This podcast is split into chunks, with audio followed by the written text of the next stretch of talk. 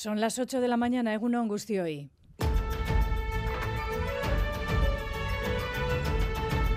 Crónica de Euskadi con Aichiber Bilbao. Euskal Herria Bildu pone la marca a la legislatura que comienza en el Estado en una de las manifestaciones más multitudinarias de los últimos años. 30.000 personas se reunían ayer en Bilbao para reivindicar que la nación vasca existe. Ese era el lema, nació Agará. Y para apoyar la estrategia de la coalición Abertzale, en la que Arnaldo Tegui aseguraba será la legislatura del reconocimiento a las naciones, en este caso la nación vasca. Ese es el debate que hay que hacer.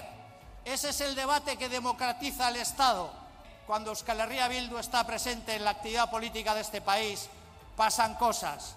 La siguiente etapa es abrir con mucha calma, poco ruido y mucho trabajo, un debate que encare definitivamente los problemas nacionales en el Estado español.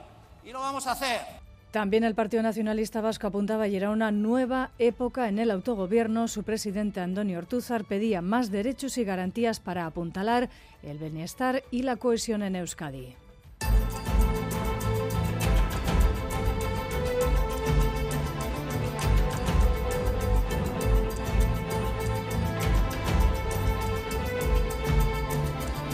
Mientras tanto, Pedro Sánchez ultima no sin problemas su nuevo ejecutivo. Madrid fue escenario ayer de una nueva manifestación contra la amnistía y la autodeterminación. 170.000 personas, algunas de las cuales incluso trataron de acercarse a la Moncloa con sus lemas, insultos contra Pedro Sánchez o los independentistas catalanes. Por la noche, Ferraz volvía a blindarse y donde hubo muñecas hinchables, anoche se exhibieron fotos de Miguel Ángel Blanco. Y ayer en Página Internacional les contamos que fue un día especialmente sangriento en Oriente Próximo, en Gaza. Más de 100 personas morían en un ataque aéreo de Israel a una escuela que gestiona la ONU en la localidad de Jabalia. Mientras tanto, crecen los rumores en torno a un posible alto el fuego entre Israel, Hamas y la participación de Estados Unidos. Una pausa de varios días para la liberación de rehenes, algo que la Casa Blanca a esta hora desmiente. Enseguida preguntaremos al respecto a nuestro compañero Miquel Ayestarán. Y de vuelta a casa, el Valle de Gües, la localidad navarra de Sarriguren, consternada por el fallecimiento de un vecino en Monte Perdido. Es el cuarto montañero navarro fallecido en la montaña desde este pasado mes de julio. Y en Baracaldo, en Vizcaya, con la luz del día se retomarán las tareas de búsqueda del arma que un hombre robaba el pasado viernes por la noche del domicilio de un agente de la Archaincha. El ladrón también está huido desde ayer a las ocho y media de esta mañana en Crónica de Euskadi recibimos al consejero de Seguridad del Gobierno vasco, Josué Coreca, a quien preguntaremos sobre este incidente.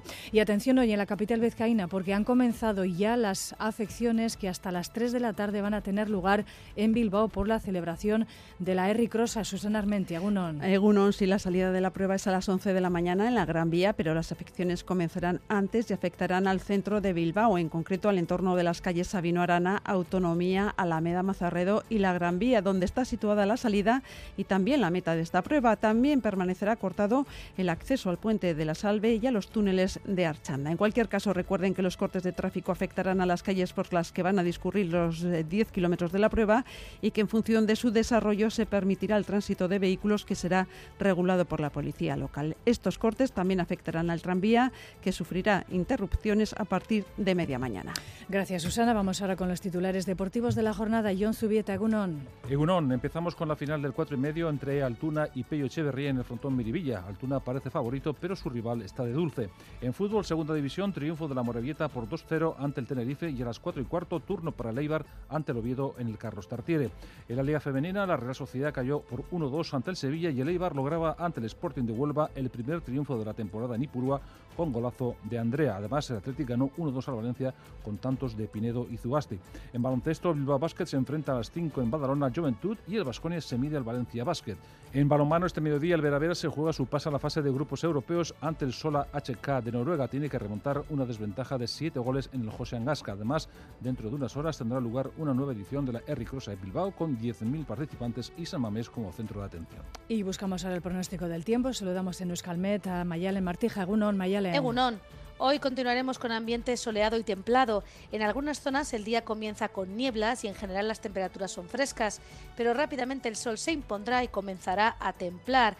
El cielo estará prácticamente despejado, tan solo veremos algunas nubes altas y finas como las de ayer, así que las máximas irán subiendo y hoy los termómetros van a alcanzar los 19-20 grados en la mayoría de los sitios, las más altas en el norte. A partir de la tarde las nubes irán poco a poco a más y ya por la noche cerca de la costa las nubes bajas irán cubriendo el cielo. Así, las cosas mañana por la mañana en el norte va a comenzar a llover. De momento, a partir de mañana el tiempo cambiará, entonces continuaremos con un tiempo tranquilo de primavera.